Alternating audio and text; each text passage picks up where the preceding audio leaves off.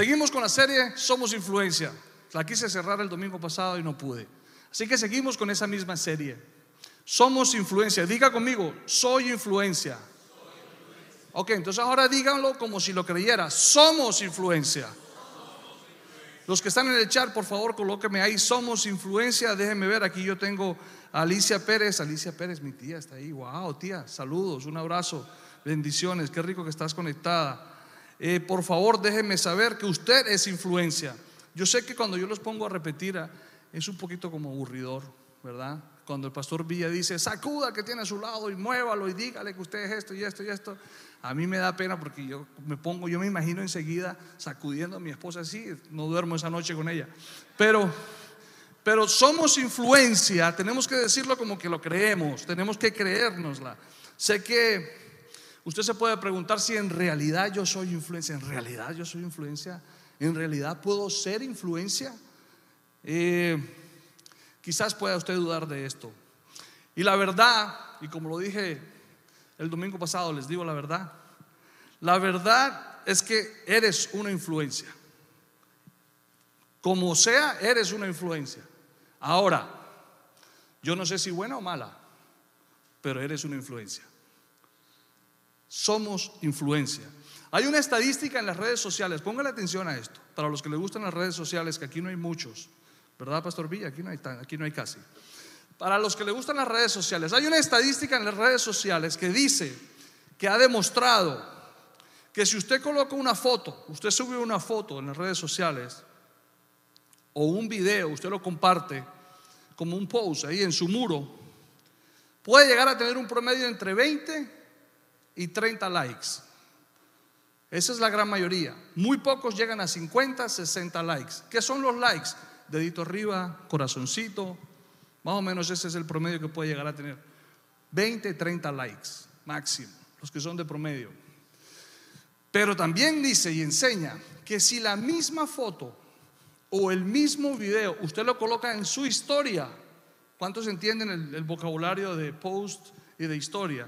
Historia es aquella que dura solamente 24. Aquí me levantaron la mano como tres mujeres. No vi un solo hombre que levantó las manos. Pero eh, la historia es aquello que dura 24 horas. Usted lo coloca hoy a las 2 de la tarde y mañana a las 2 de la tarde se acabó. ¿Verdad? Pero en esas 24 horas, la, misma foto que solamente tuvo 30 likes puede alcanzar a tener 300 views. Mm. ¿Qué quiere decir eso? Que mucha gente sí está viendo esa foto, pero no todos le están colocando like. Pero vámonos un poquitico más adelante. ¿Qué quiere decir eso? Que si eres una influencia, lo que pasa es que no todos se atreven a opinar de tu vida. No todos, no todos se atreven a intercambiar contigo su manera de ver. No a todos tampoco les gusta lo que están viendo. Hay muchos que son tímidos y sí les gusta. Pero si eres influencia. Una foto tuya en la historia tuya puede alcanzar a llegar 300 personas que la visitan y la miran. Y no dicen nada, pero la miraron. Así que mucho cuidado con lo que usted está colocando en las redes sociales. ¿Ok? Ríanse un poquito, por favor, hombre. Mucha seriedad en el día de hoy. Para mí eso es influencia. Yo no sé para ustedes. Eso es influencia. Estamos viviendo, creo, un momento en la historia de esta humanidad en donde necesitamos conocer estos detalles de las redes sociales para entender y para asimilar y para aprovechar el máximo las mismas. Yo creo que este es un momento único en la historia. Ayer hablábamos con el pastor Alberto, estábamos reunidos en una reunión familiar y hablábamos con él y yo le pregunté, pastor, ¿tú jugabas bolatrapo allá en Barranquilla? Me decía, claro, me jalaba unos partidos de bolatrapo que ya te cuento. Y tomaba agua de la manguera, decía y comía bol raspado de la calle. Y nunca me enfermé, ni me dio dolor de barriga. Esa fue otra generación. Esa fue esa generación, esa generación no va a volver. Esa generación, esa generación que tiraba piedras para bajar mangos de los árboles. Todavía en Colombia pasa, pero en ese entonces teníamos, alcanzábamos una puntería que veíamos un mango maduro y dos piedras eran suficientes. Yo no sé si era el hambre o eran ganas de molestar, pero mango caía enseguida. Y después era como la piñata de los niños ayer. Pelea, puño y patada ahí para agarrar ese mango entre varios que habíamos. Esa generación no va a volver. De igual manera, esta generación que está creciendo con las redes sociales, ustedes saben que ellos se consideran activamente sociales porque hablan por internet, porque mandan mensajes, porque se saludan, porque se comparten ideas, porque comparten fotos y videos, pero cuando están en el mismo lugar y en una reunión es muy poco lo que pueden decir o lo que pueden hablar. Pero ellos se consideran sociables porque a través de las redes sociales lo hacen. Es una generación única, súper inteligentes. Son súper inteligentes. Yo lo creo. Tiago me sorprende. A, a veces ya me desenreda el teléfono y tiene cuatro años. Es impresionante. Pero nosotros necesitamos asimilar todo esto.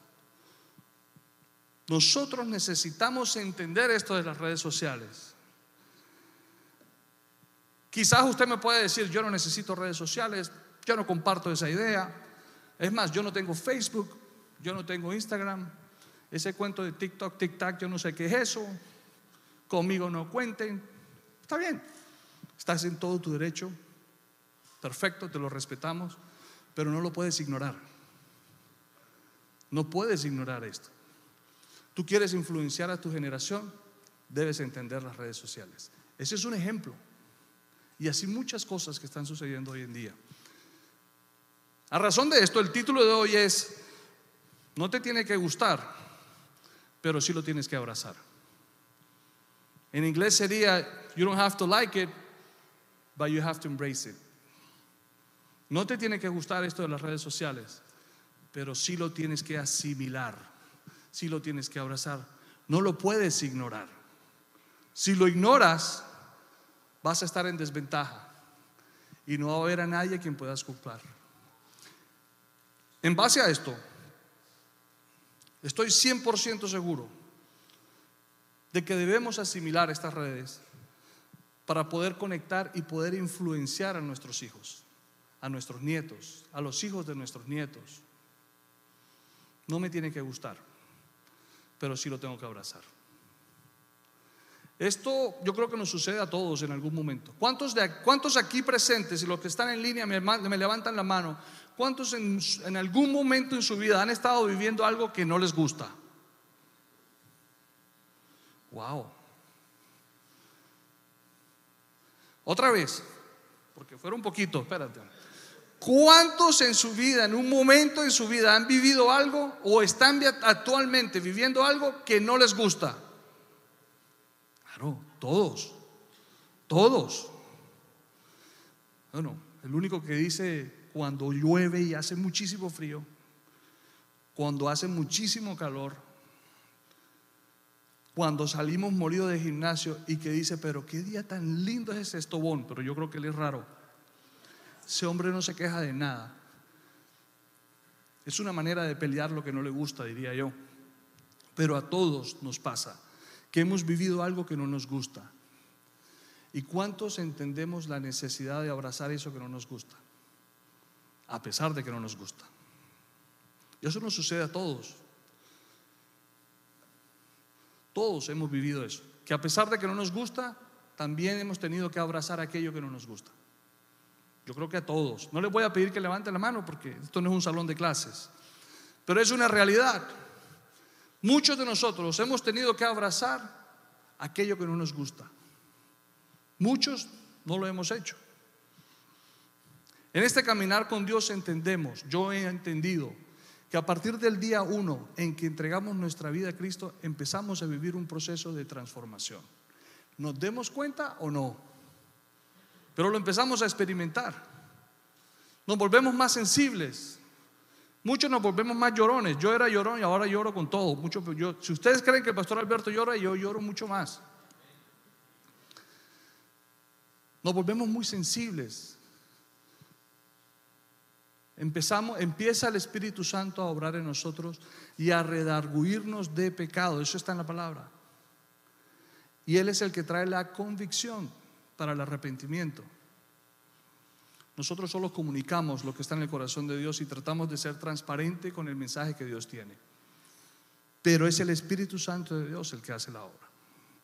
Es aquel el que se lleva todo el mérito. Y eso sucede a partir desde el primer día en que nosotros recibimos al Señor en nuestra vida.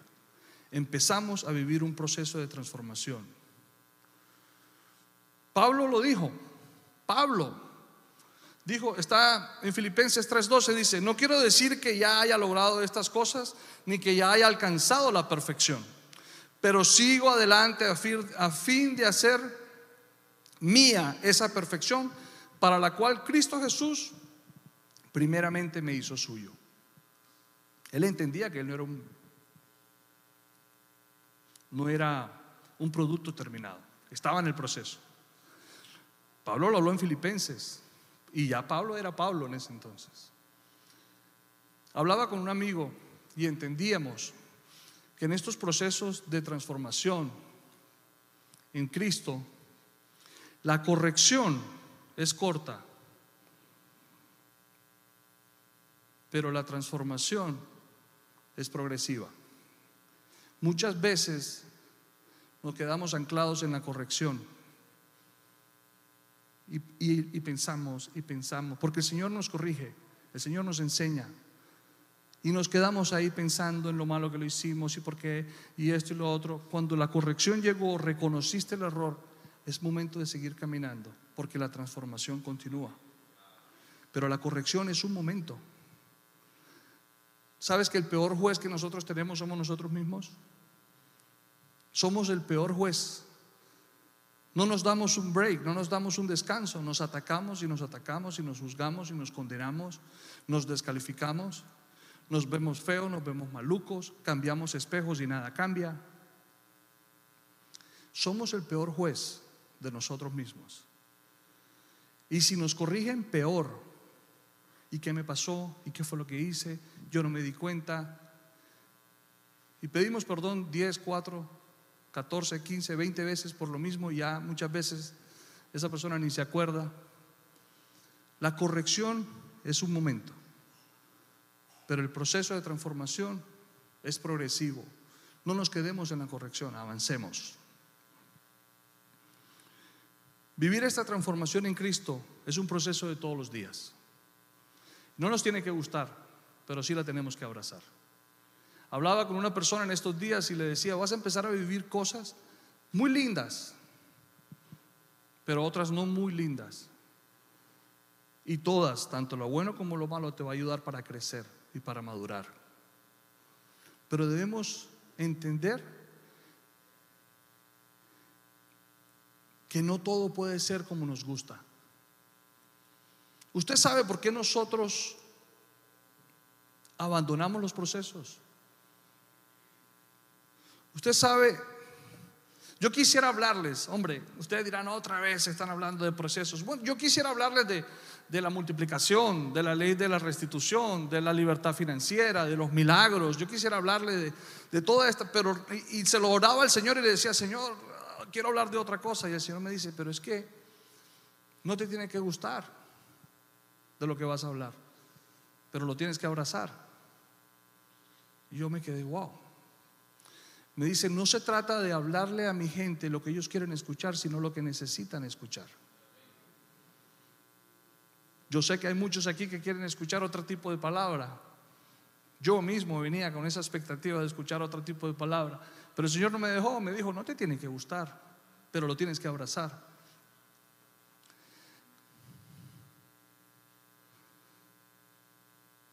Siempre nos va a hablar de lo que necesitamos y no de lo que queremos. ¿Dónde perdemos las fuerzas para abrazar este proceso? ¿Dónde perdemos el hilo de esto? ¿Dónde es que nosotros nos desconectamos? ¿Dónde es que nos vemos cometiendo los mismos errores? ¿Qué es lo que sucede? ¿Por qué es que nos encontramos patinando otra vez en lo mismo? ¿Por qué, como dice la canción, por qué tropezamos otra vez con la misma piedra? ¿Por qué? ¿Por qué? ¿Qué es lo que pasa ahí? ¿Qué, qué es lo que no entendemos? ¿Nos está llevando el Señor a hacer algo? La respuesta es sencilla, porque el Señor nos está llevando a hacer algo que no nos gusta.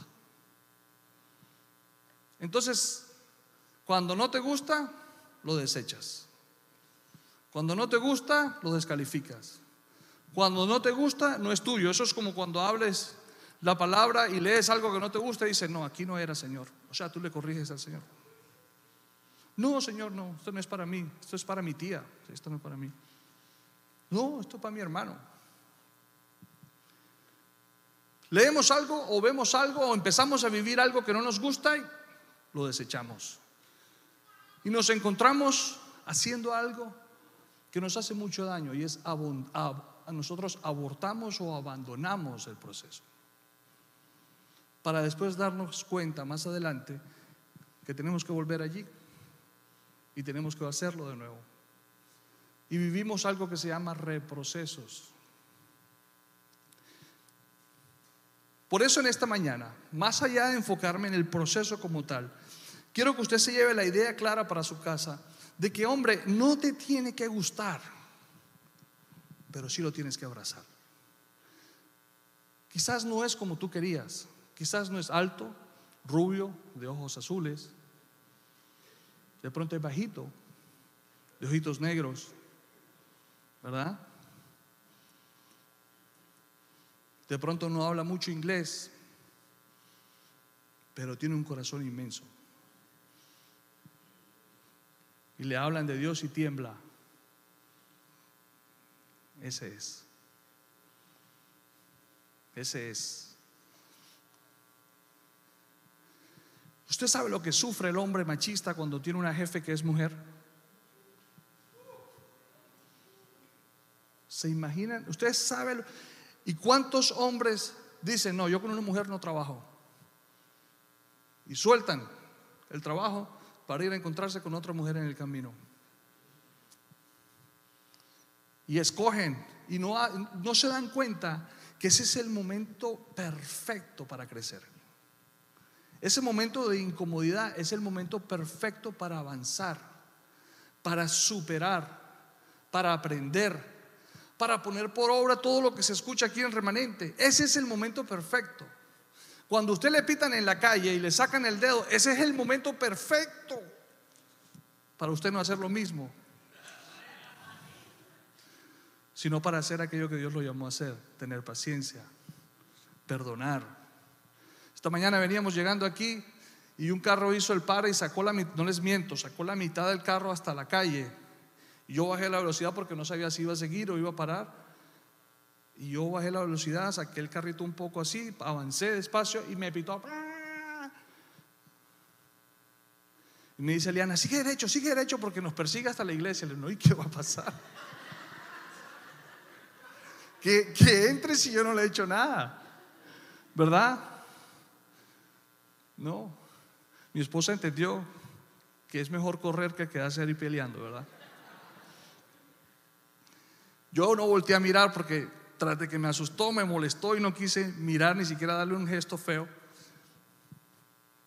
Pero son momentos en donde las cosas suceden no como nos gustan, pero tenemos que aprender a abrazarlas. ¿Por qué? En cada proceso de transformación se viven etapas y se dan pasos. Y yo creo que esos son los pasos que damos que no siempre nos gustan y nos llevan entonces a abandonarlo. El procedimiento de esta transformación es lo que no nos gusta y eso es lo que nos lleva a abortar el proceso. No nos gusta, simplemente por eso. Por eso es que abandonamos todo. Porque te intimida, porque te incomoda, porque te pides que hagas lo que no quieres, como perdonar, como dar una segunda oportunidad a alguien, como ayudar. Entonces, no es lo que me gusta, abandono. José y su proceso. ¿Cuántos saben la historia de José? José, un muchacho joven, el favorito hijo de, su papá, tenía una cantidad de hermanos que eran unas figuritas. José le regala una túnica de colores, era el escogido, era, el muchacho bendecido, tenía mucha gracia. Aparte de eso, era un soñador y era un bocón. Todo lo contaba. Qué falta de madurez. Usted sabe que si usted se encuentra contando todo lo que le pasa, yo puedo darme cuenta rápidamente que no ha madurado. No todo lo que a usted le pasa lo tienen que saber la gente. Seamos un poquito más maduros en eso. Manejemos mejor la información de nuestra vida y de otros. Para todo hay un momento, un lugar y una persona. No todo siempre se tiene que contar. Incluso les digo a aquellos que tienen este don de palabra de ciencia de parte de Dios, no todo lo que Dios te habla de una persona lo tienes que contar. Ni tienes que ir corriendo a decírselo a esa persona. Ni tampoco tiene que ir corriendo el pastor Villa a contárselo. Ni tampoco tiene que ir a contárselo a las hermanitas de intercesión para que ore, hermano. Porque esto es para que ore. Eso es falta de madurez. Que así como el Señor le habla de una persona, de igual manera el Señor nos da la instrucción de qué hacer con esa información. Así que busquemos su dirección y su instrucción para ser efectivos. José, dice la palabra en Génesis 37, 23, dice, entonces cuando llegó José a sus hermanos, porque el papá lo mandó a que los buscara, a ver qué era lo que estaban haciendo y que les trajera el reporte, dice la palabra rapidito, dice, eh, a sus hermanos le quitaron la hermosa túnica, los hermanos le quitaron la túnica enseguida, la Gucci, dice, que llevaba puesta. Después lo agarraron y lo tiraron a una cisterna. Resulta que la cisterna estaba vacía, no tenía nada de agua. Luego, justo cuando se sentaron a comer, levantaron la vista y vieron que a la distancia venía una caravana de camellos que venía acercándose. Eran unos paisanitos. Era un grupo de mercaderes ismaelitas que transportaban goma de resina, bálsamo y resinas aromáticas desde Galaad hasta Egipto. Judá dijo a sus hermanos, ¿qué ganaremos con matar a nuestro hermano? O sea que ya habían planeado matar a José. Ya ese era el plan. Pero Judá, con temor de Dios, dice, ¿qué ganaremos con matar a nuestro hermano? Tendríamos que encubrir el crimen.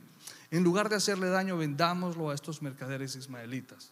Después de todo, es nuestro hermano de nuestra misma sangre.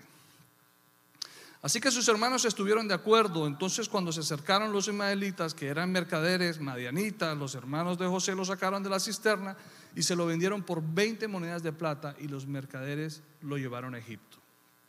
La historia de ahí en adelante cuenta. Fue vendido como un esclavo.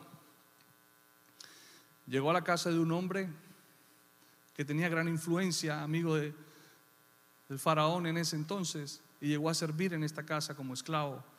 Llegó a administrar los bienes de este hombre. Todos conocemos esa historia, una historia linda de José. Pero más allá de hablar de la historia de José, yo les aseguro que todo lo que José estaba viviendo no le gustaba. Ese cuento que le rompan a uno la, chaqueta Gucci, eso está maluco. Que le quiten las gafas Prada y se las pisen, eso no me gusta que me tienen en una cisterna, en un hueco, que me humillen, que me vendan como esclavo, eso no le gusta a nadie. Que me toque llegar a la casa de un, siendo el hijo favorito de mi casa, llegar a la casa de un desconocido a servirle, a lavar los baños, a cocinar, a limpiar, a barrer. Eso no me gusta. Que después sufrió es el hombre que tiene registrado en la Biblia el primer acoso sexual que hizo una mujer. La mujer lo acosó sexualmente a él, está en la Biblia. Lea la historia.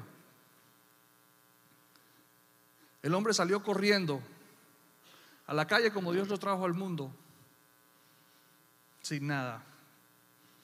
Y después de eso, humillado, lo meten preso ¿A quién le va a gustar eso? A José no le gustaba eso. Yo me imagino que él le preguntaba al Señor, Señor, ¿y ese sueño? Que la luna y el sol se inclinaban a mí. Explícame, Señor, ¿dónde está todo ese sueño, esa palabra, esa promesa? ¿A cuántos aquí nos ha pasado que hemos recibido promesa de parte de Dios, pero estamos viviendo algo que no tiene nada que ver con lo que Dios dijo? Solamente a dos. Amén. Gracias, papi. Amén. Solamente tres o cuatro. Ok, para esos cuatro está hablando el Señor hoy. A todos nos ha sucedido que Dios nos ha dado palabra y estamos viviendo algo completamente diferente a lo que Dios nos dijo. Entonces no nos gusta. Y dudamos si estamos en el lugar correcto. Dudamos si estamos en el trabajo correcto. Dudamos si estamos casados con la persona correcta. Dudamos si la profecía o la palabra que hemos recibido de parte de Dios fue cierta.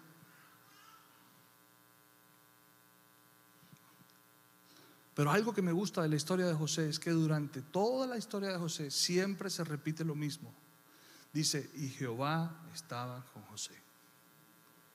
Jehová estaba. La presencia de Dios lo acompañó todas las veces, en todo lugar donde él estaba. También la palabra nos enseña que donde él iba, las cosas prosperaban. Aunque a él no le gustara, las cosas prosperaban. Resulta que José llegó a tener las llaves de la cárcel y administraba la, celda. Él hacía el trabajo del administrador. Yo no sé cómo una cárcel prospera, yo no sé si es que meten más presos o se van más libres, yo no sé cómo, pero eso prosperaba, porque está en la palabra. Y yo no le voy a decir la cárcel prosperaba porque pasaba esto, mentira, yo no sé, pero dice la palabra que todo prosperaba aunque él estaba haciendo algo que no le gustaba. Si usted está haciendo algo que no le gusta, pero lo abrazó, en inglés se dice you embrace it, lo asimilas, le encuentras el gustico a esa sopa y las cosas empiezan a prosperar, déjeme decirle que usted está en el lugar correcto, aunque no le guste lo que está haciendo. Usted quiere tener un mejor trabajo, yo lo he dicho aquí antes, pero es que este trabajo no es el que yo no nací para hacer esto, esto no es lo que a mí me gusta. Esto no es lo que yo, Dios a mí no me llamó a esto, Dios me llamó a grandes cosas. Ustedes se imaginan cómo se sentiría José, cómo se sentiría David cuando lo ungieron como rey, siendo un muchachito también. Y después de que lo ungieron como rey, le dijeron, ok, mijito, vamos otra vez donde las ovejas. Seguro que no le gustó, pero fue, le hizo caso el papá obedeció. Obedeció. Y siguió cuidando ovejas. Ungido como rey. Si usted está haciendo algo que no le gusta, pero lo, lo abrazó con todas sus fuerzas y entendió que eso está usando Dios para usted crecer, para usted avanzar, para usted prosperar, para usted aprender, y eso donde usted está empieza a prosperar, a crecer, créame que está en el lugar correcto. Las personas que están en un trabajo que no les gusta, pero que están viendo todo esto y que dicen, yo no nací para esto, pero bueno, me tocó. Quiero darles una buena noticia. La mejor vitrina que usted tiene para conseguir un mejor trabajo es el trabajo donde usted está. Es la mejor exposición que usted puede tener. Los resultados que usted da donde usted esté trabajando son los que le van a abrir las puertas para un mejor trabajo. Mientras usted suelte ese trabajo y va a buscar otro que sí le gusta, y va y busca otro donde la jefa no sea una mujer, o va y busca otro donde el jefe no sea un colombiano, ¿por qué se ríen? No, colombiano. ¿Cómo? No, yo no sé eso, no sé. Pero si usted se busca un trabajo donde usted prefiere escoger la nacionalidad de su jefe porque y abandona y hasta que encuentre el trabajo se va a encontrar con los mismos problemas de los primeros tres trabajos. Los mismos problemas. Ninguna operación es perfecta. Si fuera perfecta usted no estuviera ahí. Ninguna iglesia es perfecta. Si fuera perfecta, ninguno de nosotros estuviera aquí. Esta es la casa que Dios le dio para crecer. Esta es la casa que Dios, esta es la puerta que Dios le abrió a usted para que usted pueda dar de lo que Dios le ha dado. Aquí vemos quizás 150 personas. Yo le oro a Dios y creo que vamos a llegar a ser 300 servidores. No personas, 300 servidores para poder servir a miles. Y esta casa cree en eso y se está proyectando a eso. Esta casa cree en los jóvenes. Prontamente le vamos a enseñar un proyecto que tenemos con los jóvenes impresionante. Prontamente vamos a lanzar un servicio en inglés los domingos a las nueve y media de la mañana, 100% en inglés. Prontamente vamos a tener una aplicación para esta casa Remanente Church va a tener su aplicación en donde usted va a poder ofrendar, diezmar, escuchar el podcast, escuchar tu familia vale la pena, compartirlo con sus amigos, donde usted va a poder, va a encontrarse con todos los anuncios ahí al alcance de su teléfono. Prontamente todas estas sillas las vamos a cambiar. Pero algo más tremendo todavía es que esta iglesia, esta casa, le está creyendo al Señor por su edificio. Y te escogió a ti y a mí para que lo hagamos juntos. Amén.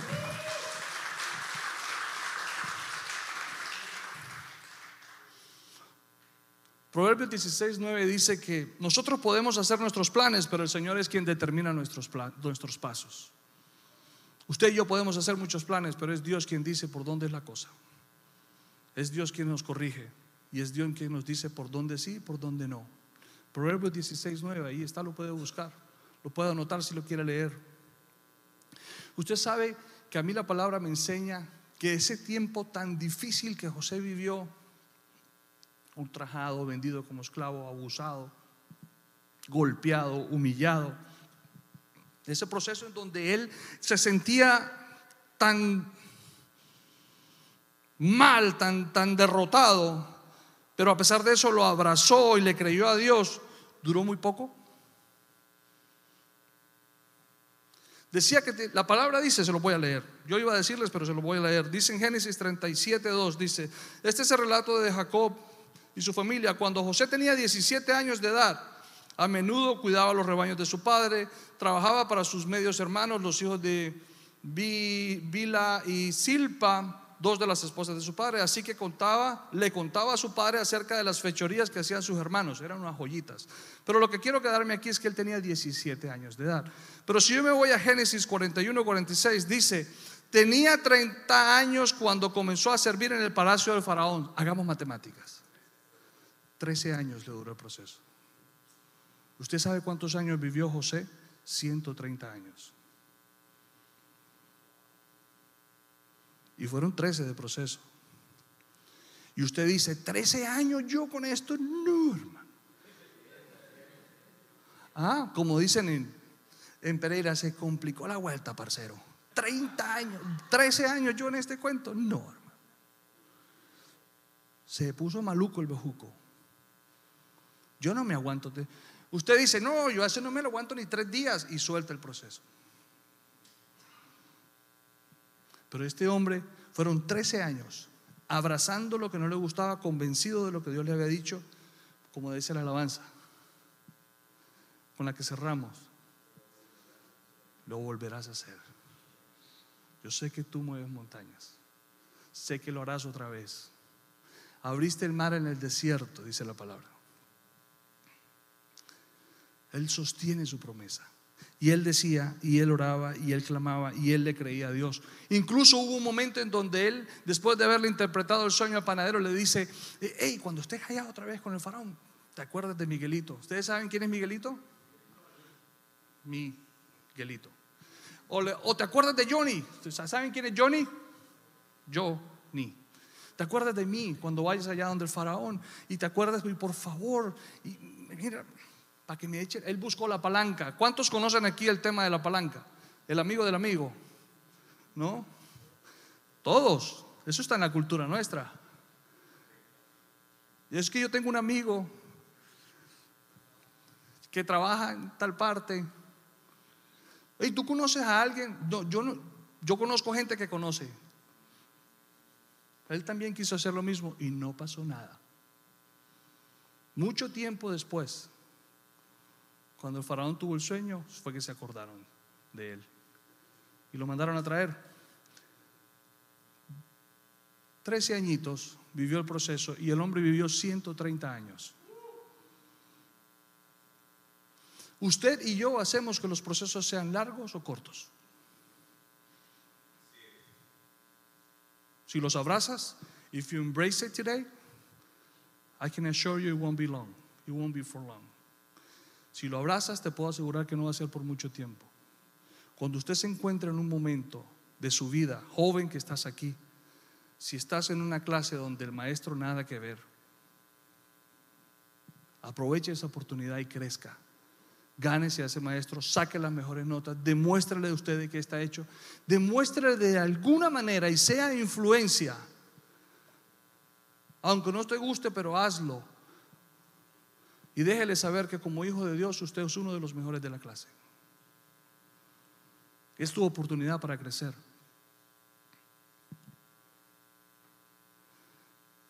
Quiero cerrar ya y me gustaría que la alabanza subiera.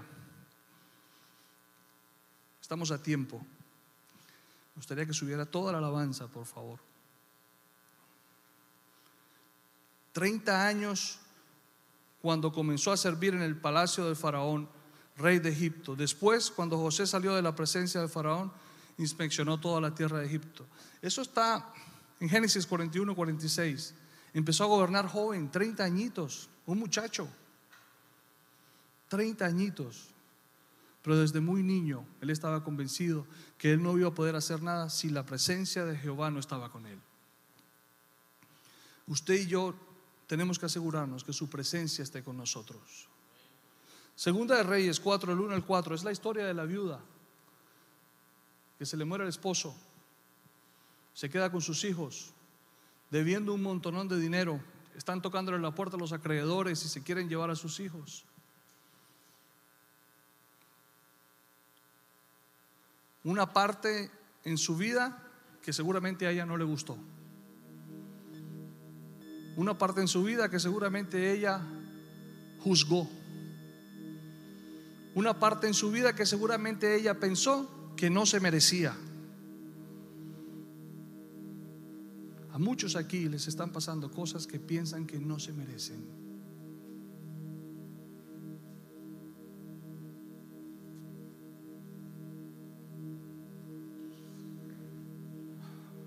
quizás es cierto. Quizás no te lo mereces.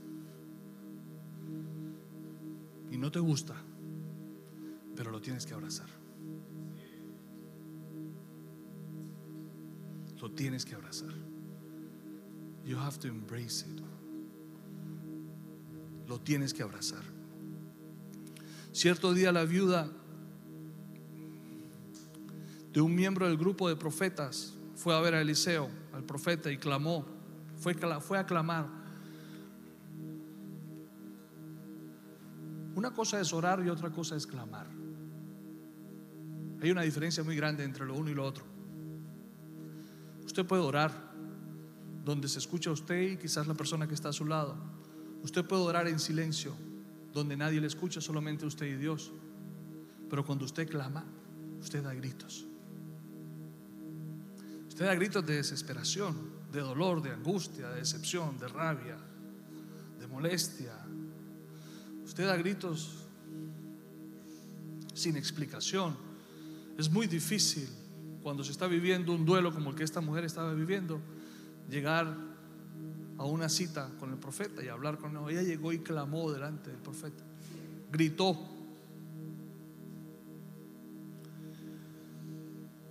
Dice, mi esposo, quien te servía, yo me la imagino gritando, mi esposo, aquel que te servía. Ella no llegó a hablar con él, ella llegó a gritar. Lágrimas en sus ojos, llorando, desesperada. Imagínense ese momento, ese duelo, con dos hijos y el desespero de los cobradores en la puerta que le dicen, si no pagas, me llevo a tus hijos. O sea que si ella no pagaba, perdía su generación. Un momento en su vida donde ella está viviendo un proceso que no le gustaba. Pero ella no agarró a sus hijos y salió corriendo y se fue huyendo, como quizás muchos de nosotros aquí hubiésemos hecho. Ella fue a buscar al hombre de Dios. Ella abrazó el momento. Ella fue a buscar la presencia del Señor. Ella abrazó el proceso, aunque no le gustaba, aunque era injusto, aunque dolía muchísimo ella lo abrazó.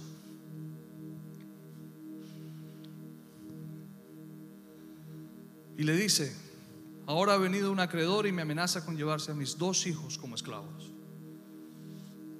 Le grita, le llora, le implora. Y el profeta todavía le pregunta, le dice, ¿y cómo puedo ayudarte? Imagínate.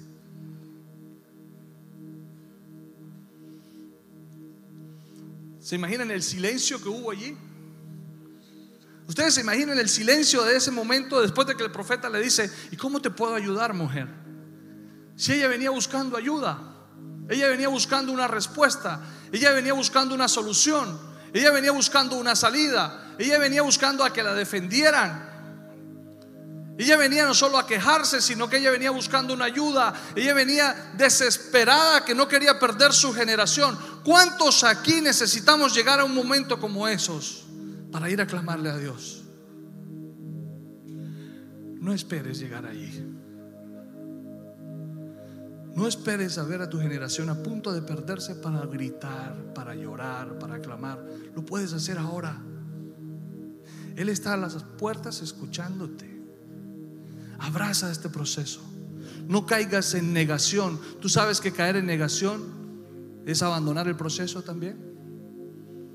Jesús llamaba las cosas por su nombre. Al religioso, al religioso y al ladrón, ladrón. Jesús no decía, no, lo que pasa es que tenía hambre, por eso robó. No, ladrón. ¿Cuántos aquí hemos caído en negación con lo que nuestros hijos están viviendo?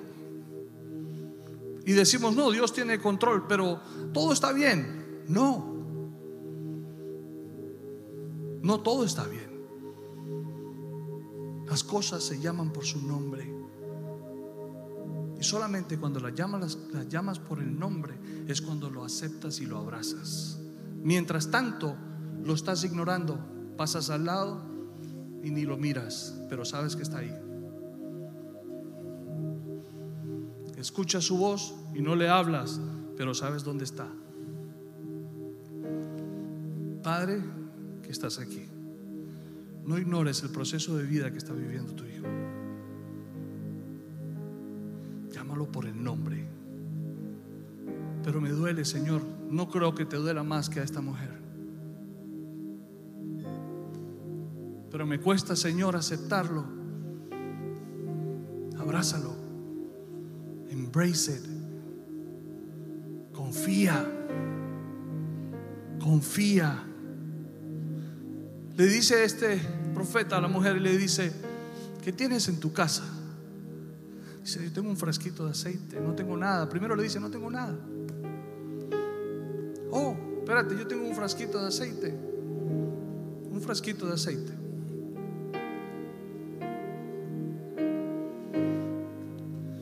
Nada, tienen la presencia del Espíritu Santo. Si ustedes analizan esta historia, ustedes la conocen muy bien conmigo.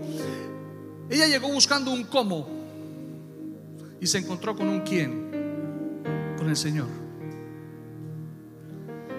Ella llegó buscando una solución al problema y se encontró con la persona que le iba a solucionar el problema. Jamás en su vida esa mujer se imaginó que de ese frasquito de aceite iba a salir la solución al problema. Pero aquel, el Señor, que todo lo puede, para el cual no hay nada imposible, le dice, pídele a tus amigos y vecinos que te presten todas las jarras vacías que puedan. Luego ve a tu casa con tus hijos y cierra la puerta Vierte en las jarras el aceite de oliva que tienes en tu frasco, en tu frasquito, y cuando se llenen, ponlas a un lado. Por favor, coloquémonos de pie todos.